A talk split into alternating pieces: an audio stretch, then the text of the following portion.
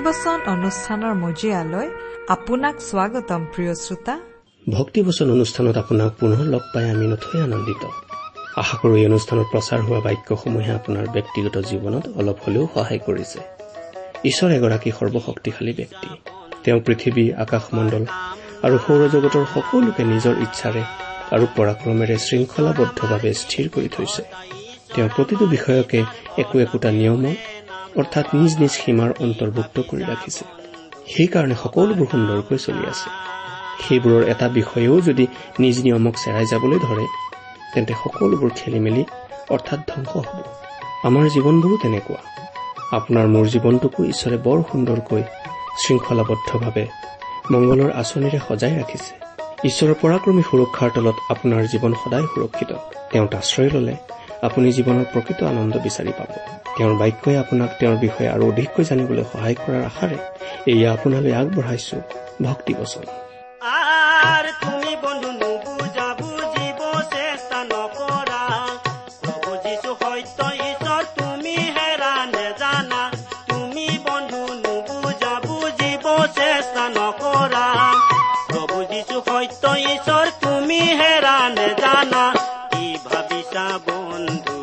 ভবাৰ কাম ঈশ্বৰ আমাৰ সৃষ্টিকৰ্তা ঈশ্বৰ আমাৰ বিচাৰ কৰ্তা তেওঁৰে নাম লোৱা কি ভাবিছা বন্ধু ভবাৰ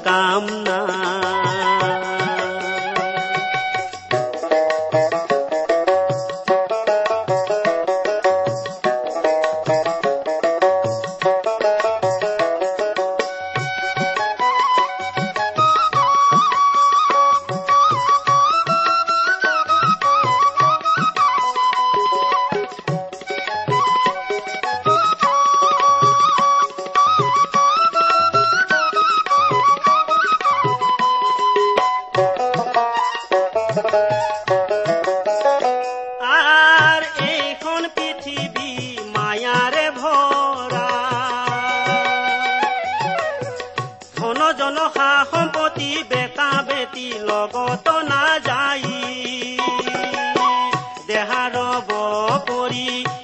যাব চলি। লোৱা বন্ধু, তুমি যিচুৰে নাম। দেহাৰ পৰি জীৱ যাব চলি। লোৱা বন্ধু, তুমি যিচুৰে নাম। কি ভাবিছা বন্ধু হবাৰ কাম না আমাৰ নাম ভাই। ভাবিছা বন্ধু কাম নাই। কি বন্ধু কাম নাই। কি বন্ধু কাম আমাৰ মহান ত্ৰাণকৰ্তা প্ৰভু যীশুখ্ৰীষ্টৰ নামত নমস্কাৰ প্ৰিয় শ্ৰোতা। আশা কৰো আপুনি আমাৰ মহান পিতা পৰমেশ্বৰৰ মহান অনুগ্ৰহত ভালে কুশলে আছে। লগতে আমি এই বুলিও আশা কৰিছো যে আপুনি আমাৰ এই ভক্তিবচন অনুষ্ঠানটো নিয়মিতভাৱে শুনি আছে। আমাৰ বহুতো শ্ৰোতাই আমালৈ চিঠি লিখি এই অনুষ্ঠান শুনি উপকৃত হোৱা বুলি আমাক জনায় আৰু সেইবোৰ চিঠিয়ে আমাক আমাৰ কাম কৰি যাবলৈ যথেষ্ট উৎসাহ যোগায়। আপুনি বাৰু কেতিয়াবা আমালৈ চিঠি লিখিছেনে? অনুগ্ৰহ কৰি মাজে সময়ে চিঠি লিখি থাকিবচোন। পাৰিলে আজিয়েই লিখক। আহকচোন। প্ৰাৰ্থনাৰে আজিৰ বাইবেল অধ্যয়ন আৰম্ভ কৰোঁ। স্বৰ্গত থকা মৰমীয়াল পিতৃ ঈশ্বৰ তোমাক ধন্যবাদ জনাওঁ কাৰণ তোমাৰ মহান বাক্য বাইবেল শাস্ত্ৰ অধ্যয়ন কৰিবলৈ তুমি আমাক এই সুযোগ দান কৰিছা। আমি প্ৰাৰ্থনা কৰিছো তোমাৰ বাক্য তুমিয়েই আমাক বুজাই দিয়া। আমাৰ মৰমৰ শ্ৰোতাসকলক উপচি পৰাকৈ তুমি আশীৰ্বাদ কৰা। তেওঁলোকৰ সকলো প্ৰয়োজনৰ কথা তুমিহে ভালদৰে জানা আৰু সেই সকলো তুমিয়েই পূৰণ কৰা। তেওঁলোকৰ আগত তুমি নিজকে স্পষ্ট ৰূপত প্ৰকাশ কৰা। কিয়নো এই প্ৰাৰ্থনা আমাৰ মহান ত্ৰাণকৰ্তা প্ৰভু যীশুখ্ৰীষ্টৰ নামত আগবঢ়ালো।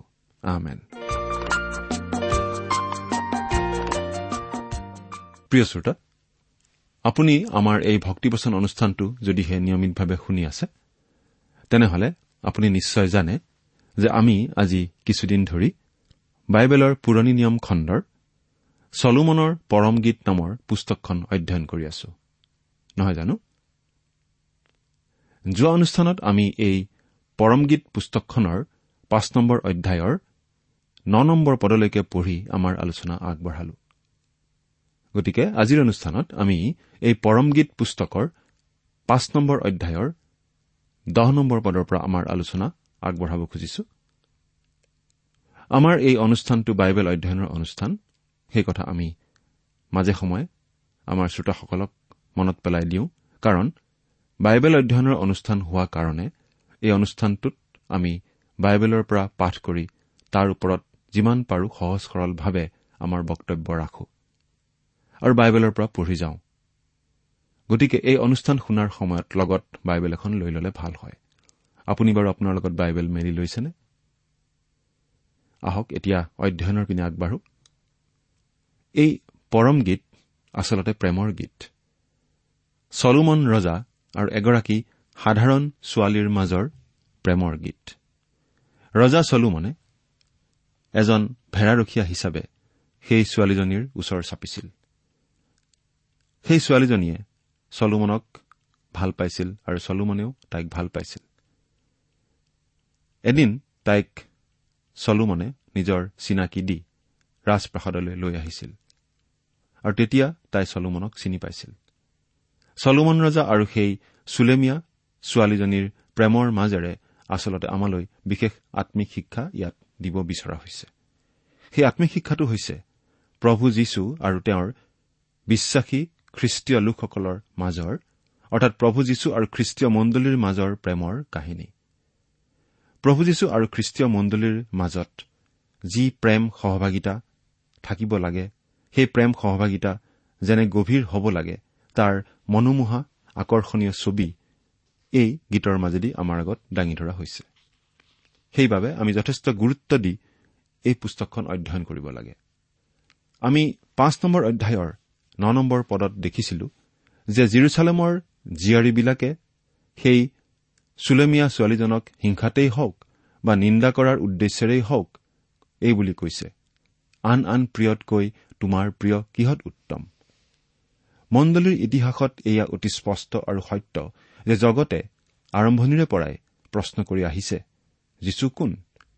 কিয় আৰু কেনেকৈনো তেওঁ আনতকৈ শ্ৰেষ্ঠ? তেওঁ এগৰাকী ভাল শিক্ষকহে নহয় জানো? এগৰাকী ধৰ্মপ্ৰৱৰ্তক যেনেকৈ আনবিলাকো ধৰ্মপ্ৰৱৰ্তক? ইত্যাদি ইত্যাদি। নানা ধৰণৰ কথা যীশুৰ বিষয়ে জগতে সদায় কৈ আহিছে। যীশুখ্ৰীষ্ট কোন? তাৰ উত্তৰ। আপুনি জানেনে প্ৰিয় শ্ৰোতা? আন আন প্ৰিয়তকৈ চুলেমাইটৰ প্ৰিয় কিহত উত্তম আছিল? তাৰ উত্তৰ তাইৰ হাতত আছিল। আৰু তাই তেওঁৰ বিষয়ে বিতং সাক্ষ্য দাঙি ধৰিছিল। এনেকুৱা স্পষ্ট শুভবাৰ্তা প্ৰচাৰ কৰিছিল যে জিৰচালেমৰ জীয়ৰীবিলাকৰ মুখত জোকৰ মুখত চূণ পৰা দি পৰিছিল। আৰু তেওঁলোকে তাইক দ্বিতীয়বাৰ ইটিকিং কৰাৰ উপায় বিচাৰি পোৱা নাছিল। কিয়?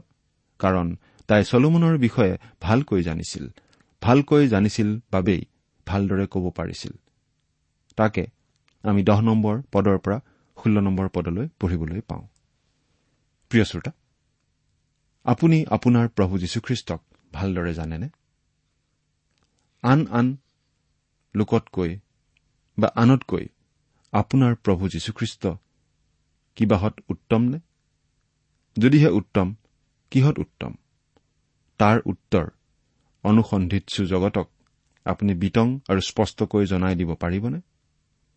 এয়া এটা প্ৰত্যাহ্বান আমাৰ বাবে খ্ৰীষ্টীয় মণ্ডলীৰ বাবে আপোনাৰ বাবে মোৰ বাবে। এতিয়া আমি সেই ছোৱালীজনীয়ে দিয়া উত্তৰখিনিৰ কথা আলোচনা কৰিবলৈ ওলাইছো। জিৰচালেমৰ জীয়ৰীহঁতে সেই দৰাৰ প্ৰতি দেখুওৱা সন্দেহৰ মনোভাৱৰ প্ৰতি তাই এতিয়া উত্তৰ দিয়া আমি দেখিম। আমি হয়তো ভাবিব পাৰো যে আন আন ছোৱালীবোৰে তাইক অলপ ঠাট্টা অৱহেলা নাইবা তাচ্ছিল্যৰ ভাৱ দেখুওৱা বুলি ভাবি তাই হয়তো দৰাজনৰ বিষয়ে অলপকৈ কমাই কব হয়তো অলপ কম প্ৰশংসা কৰিব। কিন্তু তাই তেনেকুৱা কৰা নাছিল। বৰং তাই দৰাজনৰ বিষয়ে প্ৰশংসাৰ উপৰি প্ৰশংসা কৰিছে। দহ নম্বৰ পদৰ পৰা ষোল্ল নম্বৰ পদলৈকে পাঠ কৰি দিছো শুনিবচোন। মোৰ প্ৰিয় বগা আৰু ৰঙচীয়া তেওঁ দহ হাজাৰৰ ভিতৰত অগ্ৰগণ্য। তেওঁৰ মূৰ অতি উত্তম নিৰ্মল সোণৰ নিচিনা। তেওঁৰ চুলি কোচা কেঁকুৰা কেঁকুৰি আৰু ধোঁৰা কাউৰীৰ নিচিনা কলা। তেওঁৰ চকুজুৰি জুৰিৰ দাঁতিত থকা দুটি কপৌৰ নিচিনা। তাক যেন গাখীৰেৰেহে ধোৱা হৈছে আৰু সেয়ে উত্তম ৰূপে পটোৱা বাখৰৰ সদৃশ। তেওঁৰ গাল দুখনি সুগন্ধি ফুল এগছৰ এক ভেটিস্বৰূপ আৰু মছলা উৎপাদক লতাৰ স্তম্ভস্বৰূপ। তেওঁৰ ওঠ দুটি কণাৰী ফুলৰ সদৃশ। তাৰ পৰা দ্ৰৱ গন্ধৰস টোপ টোপকৈ পৰে। তেওঁৰ হাত দুখনি বৈদুৰ্য বাসৰ পটোৱা সোণৰ আঙুঠিৰ নিচিনা। তেওঁৰ শৰীৰ নীলকান্ত বাখৰেৰে ঢকা হাতীদাঁতৰ শিল্পকৰ্মৰ নিচিনা। তেওঁৰ ভৰি দুখন উত্তম সোণৰ আধাৰত বহুৱা বগা শিলৰ দুটি স্তম্ভৰ নিচিনা। তেওঁ দেখিবলৈ লিবানুনৰ নিচিনা এৰছ গছৰ নিচিনা উত্তম। তেওঁৰ মুখ অতিশয় মধুৰ এনেকি তেওঁ সম্পূৰ্ণৰূপে মনোহৰ হে জিৰচালেমৰ জীয়াৰীবিলাক। এইজনাই মোৰ প্ৰিয়। এইজনাই মোৰ সখা। এই কথাখিনিৰ মাজেৰে এটা কথা অতি স্পষ্ট ৰূপত প্ৰকাশ পাইছে। সেইটো হৈছে তাই দৰাক অতি বহলাই সূক্ষ্ম সূক্ষ্ম বিষয়বোৰ উল্লেখ কৰি বৰ্ণনা কৰিছে। তাৰ অৰ্থ কি? তাৰ অৰ্থ এই যে সেই ছোৱালীজনীয়ে তাইৰ প্ৰিয়জনক খুব ভালদৰে জানিছিল অতি আপোনভাৱে জানিছিল নিবিড়ভাৱে জানিছিল। প্ৰিয় শ্ৰোতা আপুনি যদি যীশুৰ বিষয়ে আনৰ আগত ক'ব লাগে যদি যীশুৰ সপক্ষে কথা ক'ব লাগে যদি যীশুৰ বিষয়ে সাক্ষ্য দিব লাগে তেনেহলে আপুনি সেই যীশুক ভালদৰে জানিব লাগিব। তেওঁনো কোন? সেই বিষয়ে জানিলেই নহ'ব। লগতে তেওঁক ইমান ভালদৰে জানিব লাগিব যে তেওঁৰ হৈ আৱেগপূৰ্ণভাৱে কথা ক'ব পাৰিব লাগিব। অৱশ্যে তাৰ মানে আমি কেৱল বাকপটু হ'ব লাগে বুলি কোৱা নাই। আমি আচলতে এই কথাহে বুজাব খুজিছো যে অতি উৎসাহেৰে উত্তেজনাপূৰ্ণভাৱে প্ৰেম আৰু আৱেগৰ ভাৱেৰে প্ৰভু যীশুৰ কথা আমি ক'ব পাৰিব লাগিব। আৰু সেই প্ৰেমৰ ভাৱ সেই আৱেগ আহিব লাগিব স্বতঃস্ফূৰ্তভাৱে। আমি কেৱল জানিলেই নহ'ব তেওঁক প্ৰেমো কৰিব লাগিব। ইয়াত আমি এই প্ৰত্যাহানটোৱেই পাইছো। কইনাজনীয়ে তেওঁক জানিছিল। তাই তেওঁক জানিছিল তেওঁক প্ৰেমো কৰিছিল। তাই কৈছে তেওঁ দহ হাজাৰৰ ভিতৰত অগ্ৰগণ্য। প্ৰভু যীশুৰ বিষয়ে বহুতো মানুহেই কিতাপ লিখিছে কাৰণ তেওঁক যদি আমি কেৱল মানৱীয় দৃষ্টিকোণেৰেও চাওঁ তেওঁ অতি মনোহৰ। দ্য লাভলিনেছ অব জিজাছ বুলি এখন সৰু পুস্তিকাত এজন বিখ্যাত লোকে এনেদৰে লিখিছিল আন সকলো মহানতা ক্ষুদ্ৰতাৰ দ্বাৰা সংকুচিত হৈছে। আন সকলো জ্ঞান ভুলৰ দ্বাৰা দূষিত হৈছে। আন সকলো সততা অসম্পূৰ্ণতাৰ দ্বাৰা কলংকিত। কিন্তু যীশুখ্ৰীষ্টই একমাত্ৰ ব্যক্তি যাৰ বিষয়ে কোনো তোষামোদ বা খোচামোদৰ ভাৱ প্ৰদৰ্শন নকৰাকৈও এইদৰে ক'ব পাৰি যে তেওঁ সম্পূৰ্ণৰূপে মনোহৰ। গতিকে আমাৰ মূল বিষয়টো হৈছে খ্ৰীষ্টৰ মধুৰতা। প্ৰথমতে আমাৰ মনলৈ আহে খ্ৰীষ্টৰ এই মধুৰতা হৈছে তেওঁৰ সম্পূৰ্ণ শুদ্ধ সিদ্ধ মানৱীয়তা। এই কথা পৰিষ্কাৰ হৈছেনে বাৰু? তাৰমানে আমি এইটো ক'ব খোজা নাই যে তেওঁ কেৱল সম্পূৰ্ণ শুদ্ধ সিদ্ধ মানুহেই নাছিল তেওঁ সম্পূৰ্ণৰূপে মানুহ আছিল। তেওঁ পাপ আৰু মন্দ স্বভাৱৰ বাহিৰে আন সকলো বিষয়তেই আমাৰ নিচিনা একে আছিল। অৰ্থাৎ তেওঁৰ পাপ স্বভাৱ নাছিল তেওঁ পাপক জনা নাছিল কিন্তু বাকী সকলো বিষয়ত তেওঁ আমাৰ নিচিনা মানুহ আছিল। তেওঁ জ্ঞান আৰু আকাৰত বৃদ্ধি পাইছিল। তেওঁ পৰিশ্ৰম কৰিছিল তেওঁ চকুলোও টুকিছিল প্ৰাৰ্থনা কৰিছিল আনৰ প্ৰতি মৰম ভাল পোৱাৰ ভাৱো প্ৰকাশ কৰিছিল। আমাৰ নিচিনাকৈ তেওঁ প্ৰলোভনৰ সন্মুখীন হৈছিল। কিন্তু তেওঁ পাপ কৰা নাছিল। থোমাৰ নিচিনাকৈ আমিও তেওঁক মোৰ প্ৰভু মোৰ ঈশ্বৰ বুলি কওঁ। আমি তেওঁক আদৰ কৰো সন্মান কৰো। কিন্তু প্ৰিয় শ্ৰোতা আন কোনেও আমাৰ লগত ইমান ঘনিষ্ঠতা নাৰাখে। আন কোনেও আমাৰ হৃদয়ৰ ইমান ওচৰ চাপিব নোৱাৰে আৰু নাচাপে। এই বিশ্ব ব্ৰহ্মাণ্ডত তেনে কোনো নাই যিজনক আমি ইমান কম ভয় কৰো। আমাৰ এই একৈশ শতিকাৰ জীৱনত তেওঁ ইমান সহজে প্ৰৱেশ কৰে যেন তেওঁ আমাৰ চুবুৰীতেই বাস কৰা কোনোবা এজন লোকহে। তেওঁ প্ৰাচীন নহয় তেওঁ কেতিয়াও পুৰণি নহয়। তেওঁ সঁচাকৈয়ে কিমান সম্পূৰ্ণৰূপে মানৱীয় গুণেৰে ভৰা তেওঁ নিত্য নতুন। তেওঁ সকলো মানৱীয় আদৰণীয় গুণেৰে ভৰা।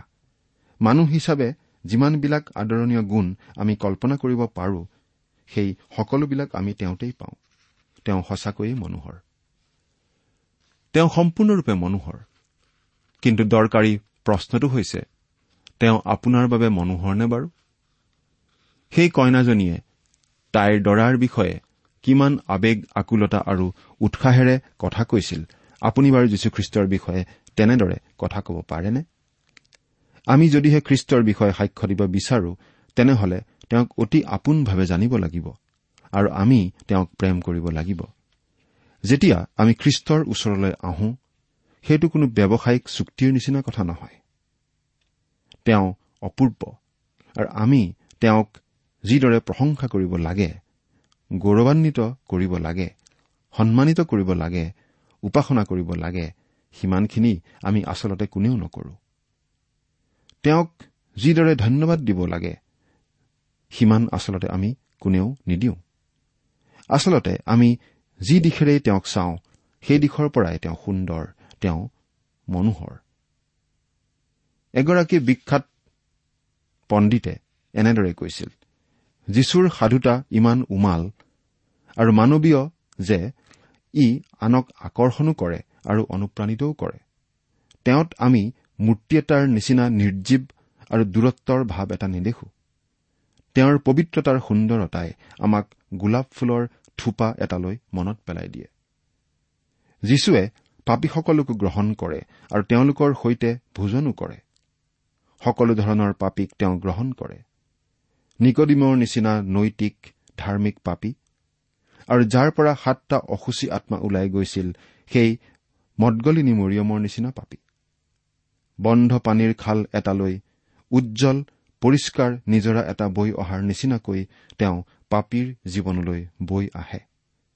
সেই নিজৰাটো লেতেৰা হ'ব বুলি ভয় নাখায় বৰং সেই নিজৰাই মিঠা শক্তিৰে সেই লেতেৰা খালটোহে পৰিষ্কাৰ কৰে। ইয়াৰ লগত সামঞ্জস্য ৰাখি আমি ক'ব পাৰো তেওঁৰ সহানুভূতি সম্পূৰ্ণৰূপে মনোহৰ। তেওঁ সদায় আনৰ প্ৰতি সহানুভূতিশীল আছিল। আনৰ দুখত তেওঁ সমবেদনা জনাইছিল। আনৰ দুখ দেখি তেওঁৰ মৰম লাগিছিল।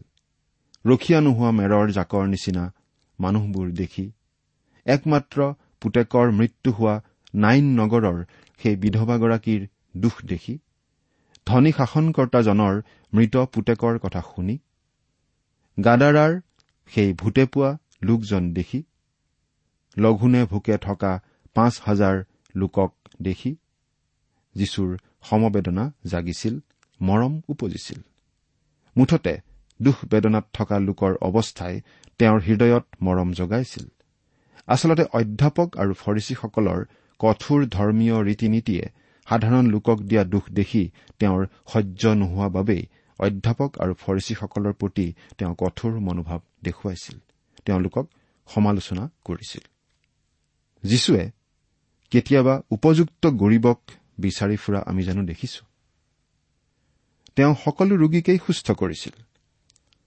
তেওঁৰ সেই অনুগ্ৰহপূৰ্ণ সমবেদনাৰ তুলনা নাই।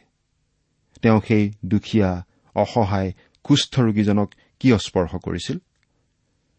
তেওঁ মুখৰ এষাৰ বাক্যৰ দ্বাৰাই সেই কুষ্ঠ ৰোগীজনক সুস্থ কৰিব পাৰিলেহেঁতেন। কাৰণ তেওঁ আনক তেনেদৰে সুস্থ কৰা আমি পাইছো। গতিকে কুষ্ঠৰোগীজনকো মুখৰ বাক্যেৰেই সুস্থ কৰিব পাৰিলেহেঁতেন। কিন্তু সেই কুষ্ঠৰোগীজনক তেওঁ স্পৰ্শ কৰি সুস্থ কৰিছিল।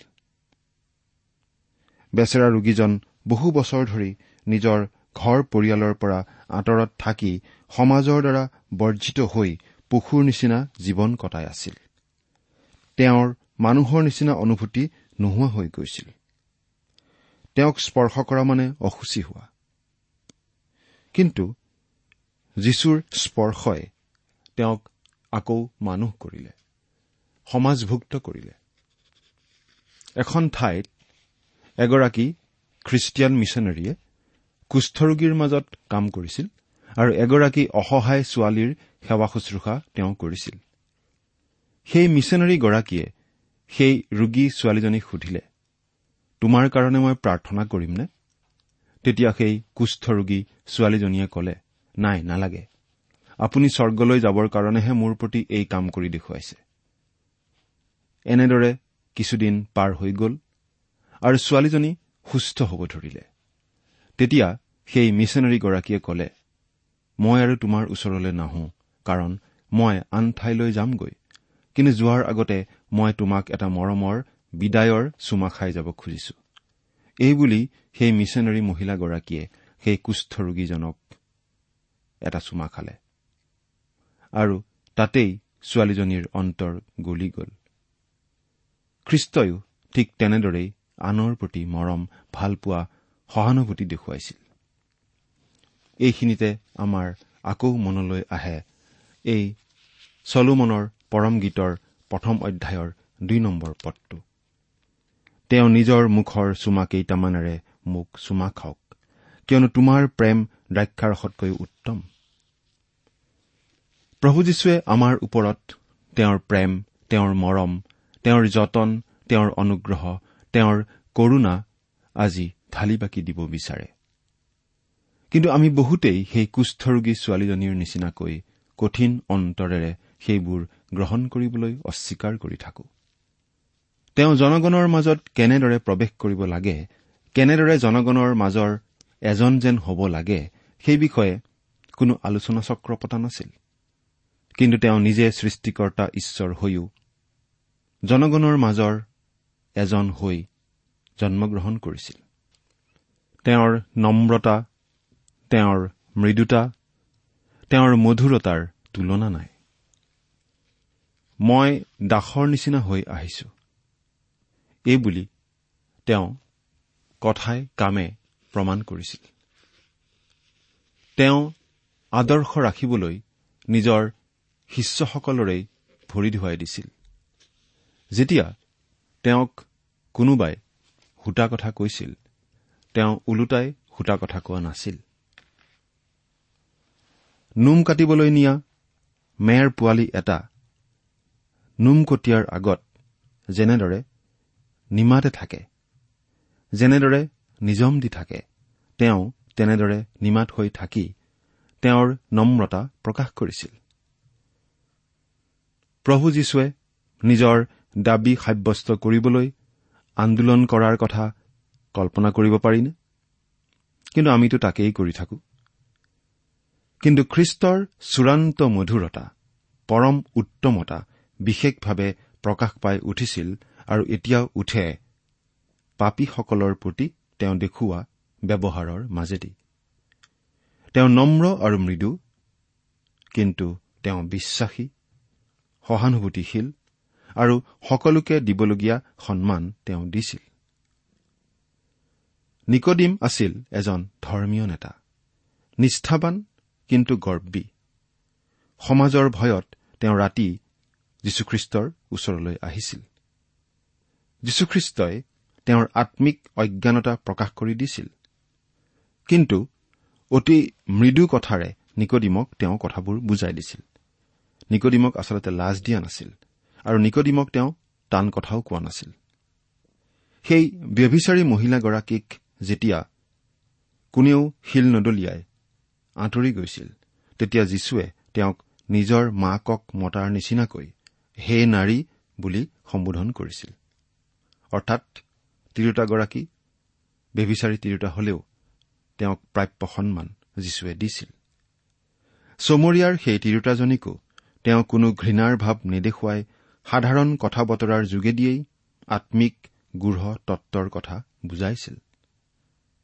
আনকি ক্ৰুচত যন্ত্ৰণা সহি থাকোতেও পাপীৰ প্ৰতি থকা তেওঁৰ সহানুভূতি প্ৰকাশ কৰিছিল আৰু তেওঁৰ সৈতে একেলগে ক্ৰুচত দিয়া ডকাইতজনক স্বৰ্গলৈ একেলগে লৈ গৈছিল। এৰা প্ৰভু যীশু সম্পূৰ্ণ মানুহৰ।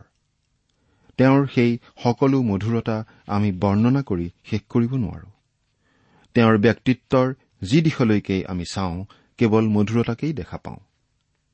সম্পূৰ্ণ শুদ্ধ সিদ্ধ ৰূপটোকেই আমি মাত্ৰ দেখা পাওঁ। সকলো সৎ আদৰণীয় গুণৰ সমতুল অৱস্থা তেওঁত আমি দেখা পাওঁ। তেওঁৰ নম্ৰতা মধুৰ। কিন্তু তেওঁ দুৰ্বল নহয়। তেওঁ সাহসী। কিন্তু তেওঁৰ সেই সাহস হিংস্ৰ নহয়। তেওঁ যেনেদৰে মানুহৰ হাতত অপমান সহিলে দুখ যন্ত্ৰণা সহিলে শাৰীৰিক আৰু মানসিক অপমান সহিলে সেই দৃশ্যবোৰ এটা এটাকৈ কল্পনা কৰি চাওকচোন। সেই সকলোবোৰৰ মাজেদি তেওঁৰ স্বভাৱগত মহানতাই প্ৰকাশ পাই উঠে। এক মুহূৰ্তৰ বাবেও তেওঁ ধৈৰ্য হেৰুওৱা নাছিল। তেওঁ তেওঁৰ উচ্চ আসন হেৰুওৱা নাছিল। প্ৰিয় শ্ৰোতা আপুনি সেই জনতাৰ মাজৰ এজন বুলি নিজকে কল্পনা কৰি চাওকচোন। যি জনতাই যীচুক ক্ৰুচত দিয়াইছিল আৰু তেওঁক ক্ৰুচত দিয়া চাই আছিল। ক্ৰুচৰ পৰা যীশুৱে সেই সকলো লোকৰ বাবে পিতৃ ঈশ্বৰৰ ওচৰত ক্ষমা প্ৰাৰ্থনা কৰিছিল। তেওঁ আমাৰ সকলোৰে পাপ তেওঁৰ নিজৰ গাত ললে সেই ক্ৰুচৰ ওপৰত। তেওঁত বিশ্বাস কৰি আমি আমাৰ সকলো পাপৰ ক্ষমা লাভ কৰো। তেওঁত বিশ্বাস কৰি আমি পৰিত্ৰাণ পাওঁ অনন্ত জীৱন লাভ কৰো। সেই মহান প্ৰভু যীশুলৈ ধন্যবাদেৰে আমি আজিৰ অনুষ্ঠান ইমানতেই সামৰিছো। পৰৱৰ্তী অনুষ্ঠানতো আপোনাক লগ পাম বুলি আশা কৰিলো। ধন্যবাদ।